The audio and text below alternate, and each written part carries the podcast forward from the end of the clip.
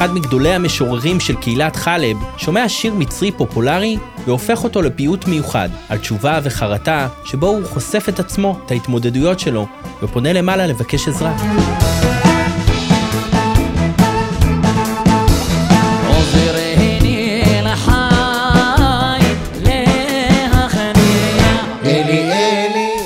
יכול לשמוע אותו מדבר מליבו, כך שהוא מתחרט על חטאים שהוא חטא באופן אישי. קבל את, את הנפש הזה ולא תוסיף ותחטא הנפש שלו. הוא לא מדבר פה בשם העם, כאילו הוא מוציא את הכביסה החוצה, כן, דרך הפיוט.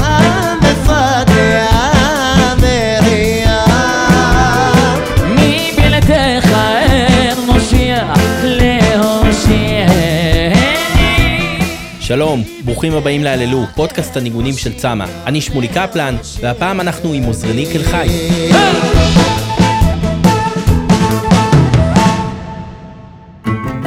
עוזרני הוא אחד הפיוטים המוכרים ביותר בעולם היהודי. הוא נהפך לפופולרי בכל עדות המזרח, מצא את עצמו כניגון בספר הניגונים הרשמי של חב"ד, ועל הדרך הוא גם שיר ישראלי שיש לו קאברים של זמרים ישראלים גדולים. והדבר המדהים הוא שעוזרני המקורי הוא בכלל לחן של שיר מצרי פופולרי מלפני 150 שנה, עם מילים בערבית שהן אחרות לגמרי מתשובה, חרטה, יצר הרע, שאנחנו מכירים מעוזרני. אז איך קרה שפיוט שהרבי מלובביץ' אמר עליו ביידיש, מוירדי כניגון, ניגון רציני, ושר אותו בהתוועדויות שלו, המקור שלו הוא בכלל שיר ערבי.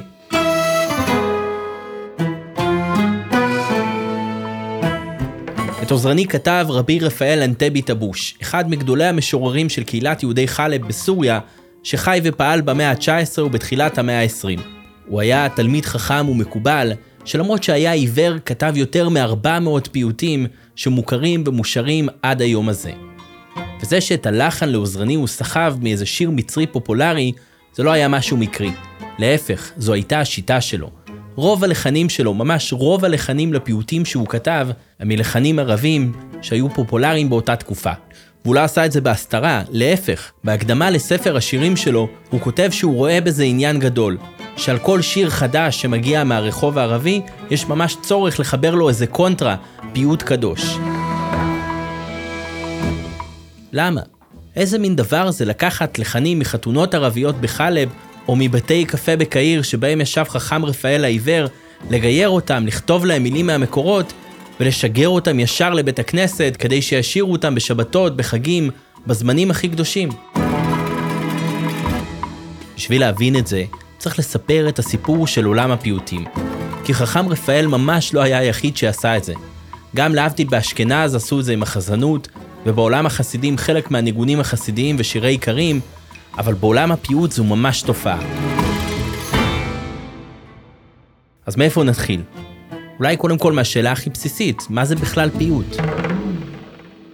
פיוט בא לעולם כהרחבה של תפילות הקבע. זה פרופסור אדווין סרוסי, מנהל המחלקה למוזיקולוגיה באוניברסיטה העברית, שהקדיש את החיים שלו לשימור ולמחקר של מאות פיוטים של יהדות המזרח וצפון אפריקה. השירה הפכה לכלי של ביטוי מחודש, מחדש, מרחיב, ומבטא כבר את הלכות הרוח של התקופה. הצורך לחדש ולהרחיב את התפילה אצל יהודים קשור איך לא לחורבן הבית. הכמיהה של היהודים אה, להעמיד אה, עבודת אה, קודש במקום עבודת המקדש, לאט לאט הוליד את הדחף להשתמש בשפה וגם בלחן על מנת לבטא את מה שלפני כן ביטאו קורבנות. והפיוט היה דבר שכל הזמן מתחדש. ואנשים לא מאמינים, כשאני מספר, היו הולכים לבית הכנסת, וכל שבת היו תפילות אחרות. כלומר, הייתה תפילת קבע, כמובן שזה הגומים של הבניין, כן, הבסיס, היסוד, אבל כל התוספות הפיוטיות היו משתנות. כי פייטנים היו כותבים פיוטים חדשים לחגים, למועדים.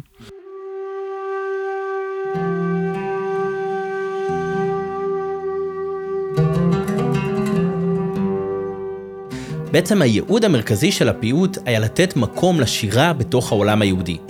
והמקום שנבחר היה המקום הכי חשוב, בתוך בית הכנסת, בתוך סדר התפילה, בזמנים הכי קדושים. הפיוט נתן, לעניות דעתי, הפתח לכניסת המוזיקה לעבודת הקודש. עבודת הקודש בתחילתה הייתה מאוד אה, פשוטה, שלדית אם אפשר לומר, והפיוט הכניס את הפאר. בשלב הזה של הפיוטים אין לחנים, יש טקסטים, אין מוזיקה. יותר מזה, גם הרמה של הטקסט הוא לא נכתב כאיזה סטנדרט של שירה כמו שאנחנו מכירים אותו היום. במאה ה-15 התחילו להתפתח פיוטים שיש להם משקל, חריזה, כאלה שכתובים בסגנון ספרותי, מודרני יותר, משהו שכבר התכתב עם ספרי השירה של אותה התקופה. במקום בוא לפה, גש הנה. זה רפאל ביטן, חוקר פיוטים ופייטן בעצמו. משחק זה יכול להיות חרוז. ניקח למשל את דרור יקרא לבן עם בת, שהוא אחד הפיוטים הקדמוניים שדונש בין אה, לברט. אז אנחנו נראה שמספר התנועות הולם. דרור יקרא לבן עם בת, שמונה עברות. ואין צורכם כמו בבת, גם שמונה עברות. כל המשפטים הם שמונה עברות.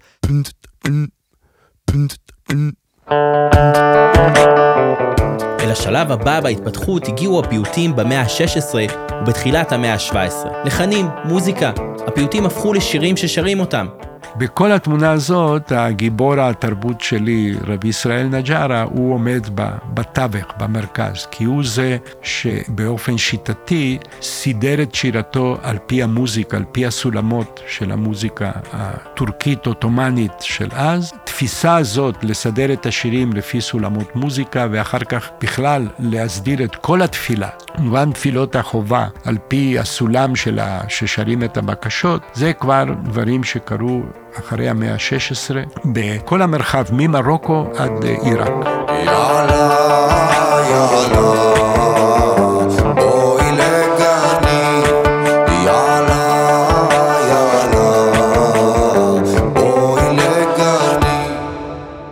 אז אמרנו שדבר דומה קרה גם באשכנז עם החסנות, ובעולם החסידים חלק מהניגונים, אבל למה במזרח ובצפון אפריקה זה הפך לכזו תופעה?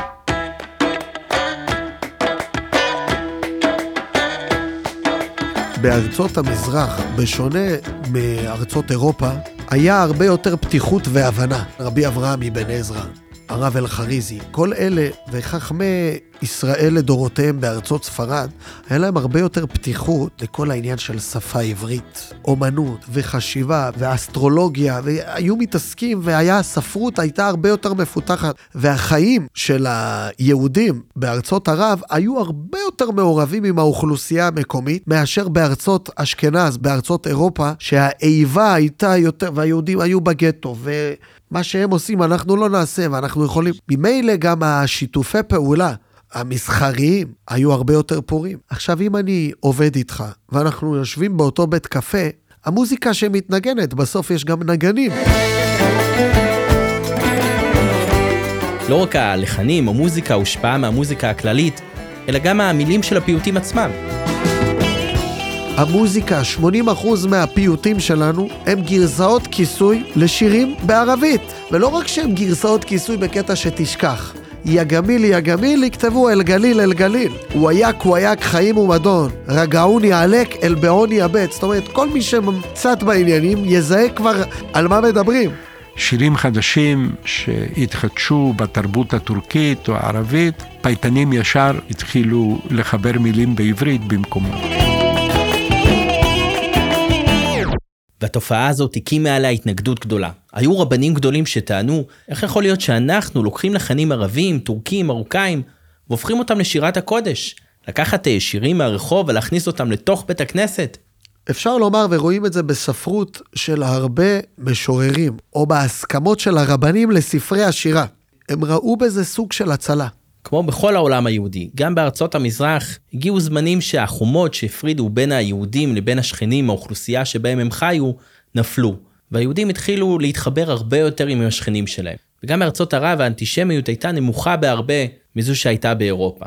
ולכן יהודים התחברו עם השכנים שלהם, שמעו את המוזיקה שלי ואז את ההמונים, וגם הלכו להופעות ולקונצרטים.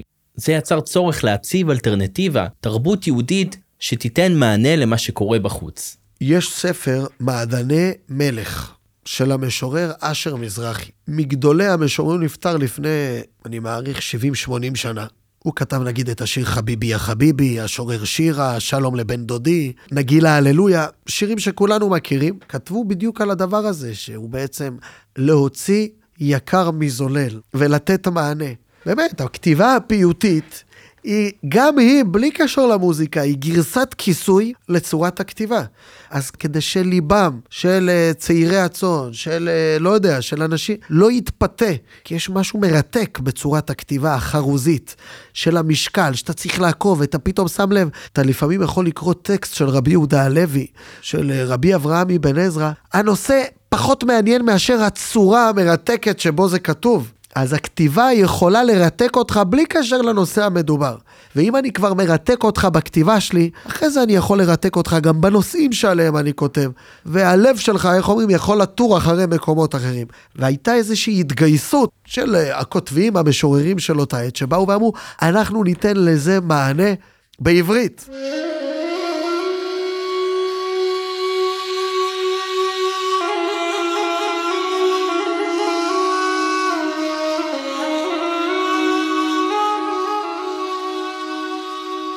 כל מה שאמרנו עד עכשיו הוא נכון, אבל יש רובד עמוק יותר. כי הפעולה הזאת לקחת השראה ממקורות חיצוניים ולהשתמש בה לדברים שבקדושה, לא נובעת רק מכורח להציב אלטרנטיבה יהודית לתרבות הכללית. וחכם אנטבי מייצג את זה, כי הוא בספר שלו כתב שצריך לייסד פיוטים על השירים החדשים הערבים, שזה ממש חובה, דבר שבקדושה. הוא ראה בזה עניין נעלה וקדוש הרבה מעבר לצורך למנוע מיהודים לירות בשדות זרים. וכשקוראים את המילים האלה בהקדמה, שוב חוזרת השאלה, למה? איזה עניין גדול ונעלה וקדוש יש בלקחת שירים ולגייר אותם? בשביל זה אנחנו צריכים לדבר על סוג אחר ושונה לגמרי של פיוטים שהחלו להתפתח על ידי מקובלי צפת, מה שאנחנו מכירים כיום כשירת הבקשות. רבי רפאל ובכלל קהילת חלב עד ימינו, עם הנוסח הירושלמי שלה, מובילים את הז'אנר.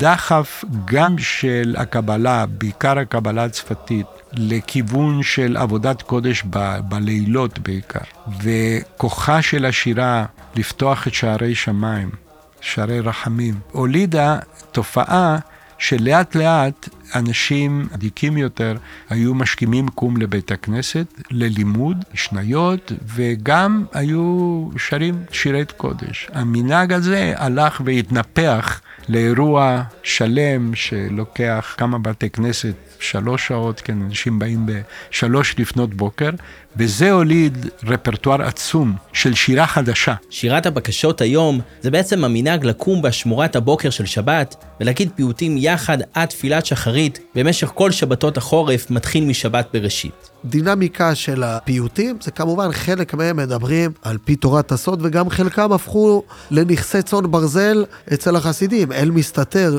בשפריר חביון, השכל הנעלם מכל רעיון, עילת העילות וסיבת הסיבות, מוכתר בכתר עליון. זה מושגים קבליים, אודה לאל לבב חול. שימו לב על הנשמה לשם שבו והחלמה, ואורה כאור החמה. יש המון המון, חי ונעלם לכבודו ברא עולם, שזה השיר האחרון שנכנס לשירת ה... זה המון, תראה, יש שירים שנכתבו באמת לפי סוד הקבלה, ויש שירים שזו כתיבה יותר תמימה עם מושגים קבליים. זה שירת הבקשות במסורת החלביץ', מה שנקרא נוסח ירושלמי. ושני העולמות האלה, הפיוטים מצד אחד ושירת הבקשות מהצד השני, פוגשים את אחת הקהילות היהודיות הוותיקות והמפוארות ביותר, קהילת יהודי חלב. קהילת יהודי חלב זה אחת הקהילות הכי עתיקות בעם ישראל. זה הרב אליהו שווקה, הרב קהילת שערי השלום בצפון תל אביב. הקהילה הזאת קיימת מימי בית המקדש הראשון ועוד קודם. דוד המלך כבש את ארם נהריים ואת ארם צובה, זה כתוב בתהילים, ארם צובה זה חלב. ומימי דוד המלך ועד הדור האחרון, יש שם קהילה ברצף. בשונה מקהילות אחרות שהיו לפרקים, קהילה ברצף מדוד המלך ועד הדור שלנו. לפי המסורת של יהודי חלב, אה, יואב בן צרויה, שהיה שר צבא של דוד המלך, בנה את בית המקדש של חלב. זה לא בית המקדש, אלא בית כנסת. בנה את בית הכנסת הגדול של חלב, שהוא קיים עד היום. בית הכנסת הגדול של חלב, זה בית כנסת גדול מאוד, בנוי מאבני גזית שמזכירות את אבני הכותל המערבי. הוא בנה את זה, ולפי המסורת, הקדוש ברוך הוא התגלה עליו ואמר לו, בית המקדש יחרב, אבל בית הכנסת שלך, בית המקדש מעט שלך, לא יחרב. וזה היה מקור הגאווה של יהודי חלב, בית הכנסת העתיק, שקיים ברצף מתקופת בית המקדש ועד הדור האחרון, היה קיים ברצף היום, קיים בחלקו לאחר ההפגזות של המורדים ב-2008, הוא קיים בחלקו. העיר חלב עצמה נחשבת בעולם הערבי לבירה תרבותית, גם מוזיקלית. בעולם הערבי מחשיבים את חלב כאקדמיה למוזיקה הערבית הקלאסית האולטימטיבית. כלומר, זה מקום גם שמאוד מאוד קשור עם המסורת המוזיקלית. יוקרה הזאת יצרה אה, קהילה יהודית שהיא גם מאוד מוזיקלית, כי היא מושפעת מן, ה, מן הסביבה.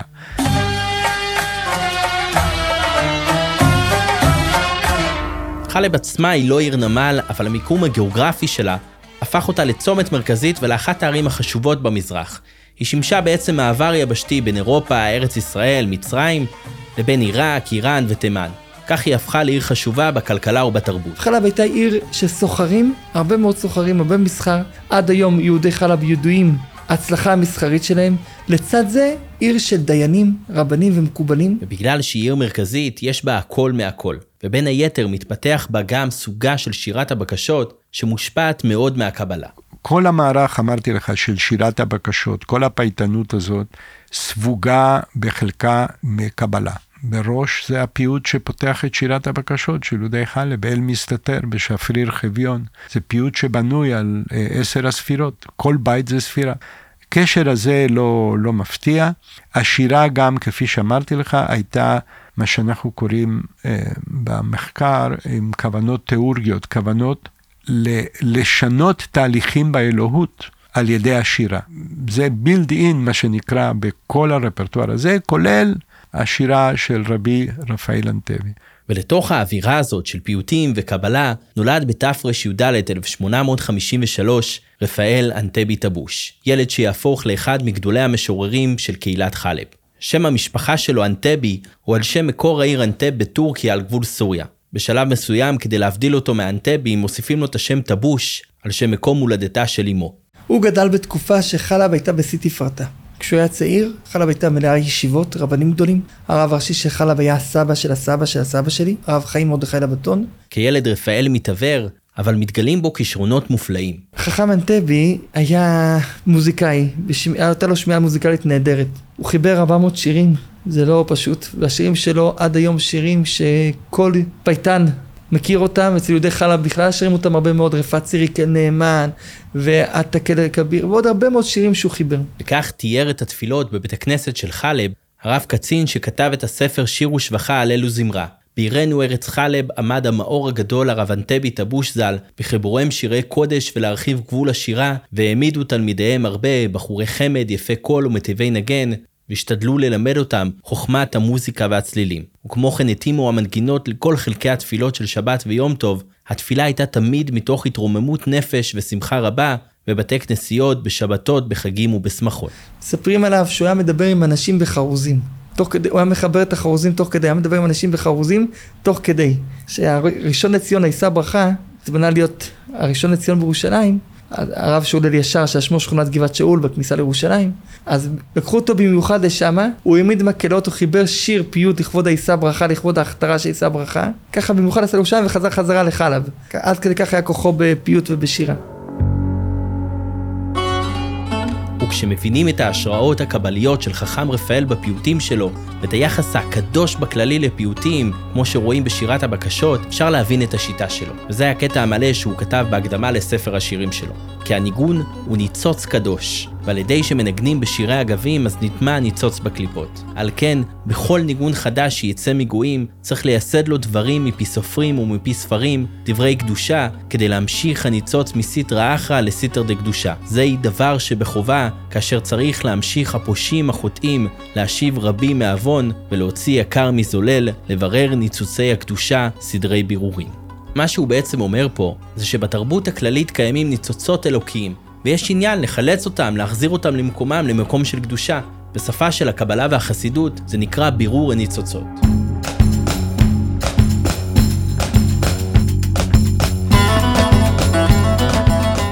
כל שיר, אם אני משתמש בו לתכנים פסולים, זה נהפך להיות אסור וזה נהפך להיות רע. השתמשתי בו לתכנים קדושים, זה נהפך להיות קדוש. אז אם כן, רואים את השירה כקליפת נוגה. ולכן, אם אני יכול לקחת את השיר הזה ולהפוך אותו לקדושה, ביררתי אותו, הוצאתי אותו מהקליפת נוגה לקדושה. אם זה היה שלוש קליפות הטמעות, זאת אומרת, אם זה היה משהו פסול, אי אפשר להשתמש בזה. לדוגמה, שיר של עבודה זרה, אי אפשר להשתמש בזה. שיר שהוא פסול בטבעו, במהותו, אני לא יכול להשתמש בזה. אבל אם זה משהו שהוא ביניים, שאני יכול להפוך אותו לקדושה, ואני יכול להפוך אותו לקליפה, כשאני הופך אותו לקדושה, ביררתי אותו והפכתי אותו לקדושה. וגם בעולם החסידי ראינו את ההתייחסות הזאת של העלאת הניצוצות מניגונים שהיו אצל איכרים, אצל גויים, יש בגדולי החסידות כמה סיפורים כאלה על שירים שלקחו מהגויים. אבל לא מומלץ לנסות את זה בבית, מה שנקרא. כי לא לכל אחד מאיתנו יש את הכוח לשמוע שיר, לומר לעצמו, אה, אני מרגיש פה את ניצוצות הקדושה שחבויים פה.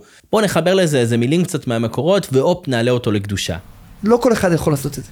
זה לא מומלץ לכל אחד עכשיו לשמוע לחפש שירים של גויים ולהפוך את זה לקדושה. זה צריך שיהיה אדם שהוא באמת נעלה, שיודע להבחין בין תכלת לבין כלה אילן, שיודע להבחין בין דבר שהוא קדוש לדבר שהוא לא קדוש, שיודע להבחין בין שיר שמרים את האדם לבין שיר שמפיל את האדם.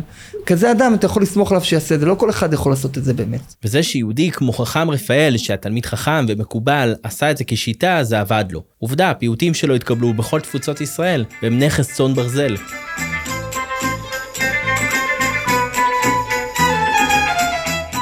על עוזרני, כמו שאמרנו בהתחלה, אמר רבי מלובביץ' שהוא ניגון רציני.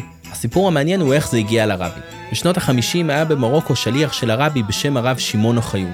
וכשהוא שמע את עוזרני, הוא חשב שהרבי יאהב את הניגון הזה. הוא ביקש מהשליח, שבהמשך הפך לשליח בתוניס ואז היה במרוקו, לשיר את הפיוט הזה לפני הרבי. בהתוועדות חג השבועות תשי"ג בתחילת שנות החמישים, שר אותו שליח את הפיוט, ובדיוק כמו שחשב הרב אוחיון, הרבי מאוד אהב את הפיוט הזה, עד כדי כך שהוא אימץ אותו כאחד מהניגונים הקבועים ששרו בהתוועדויות, אז מה יש בו בעוזרני שכל כך התקבל?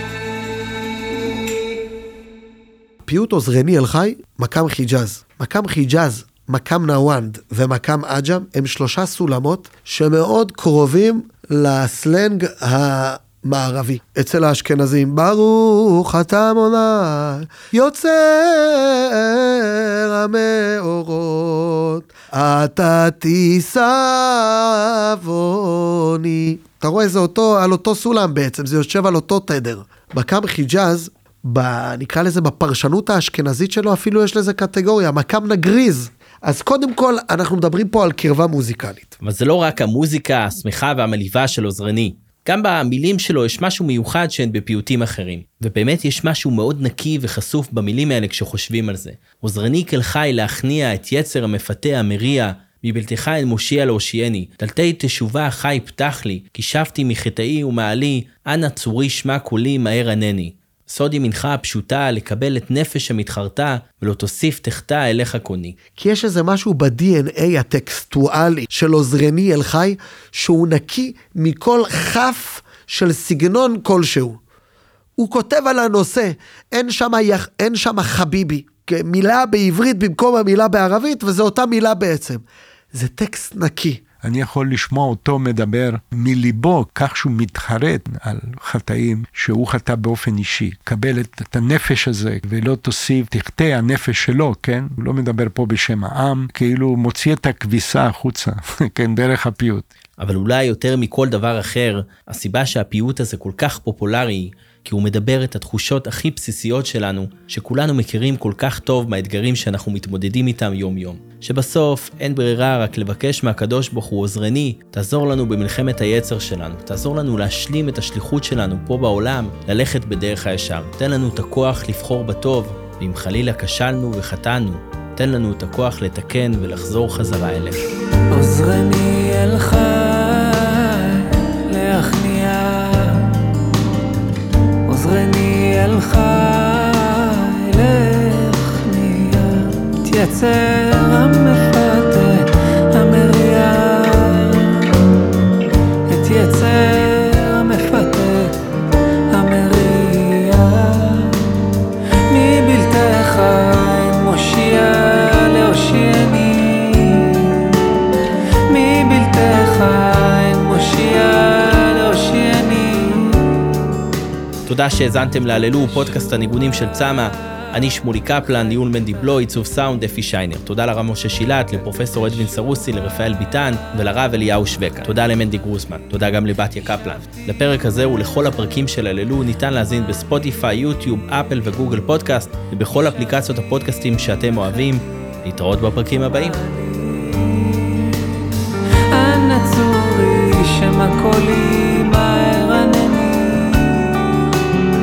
אנא צורי צורי שמא קולי מהר ענני אודה לפשעי אתה תישא עווני אודה לפשעי אתה לפשעי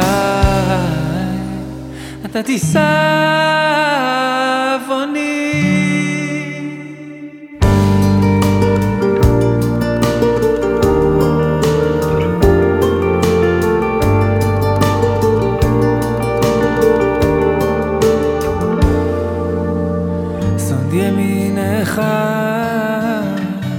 הפשוטה סוד ימינך הפשוטה.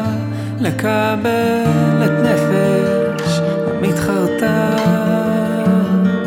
לקבל את נפש המתחרתה ולא תוסיף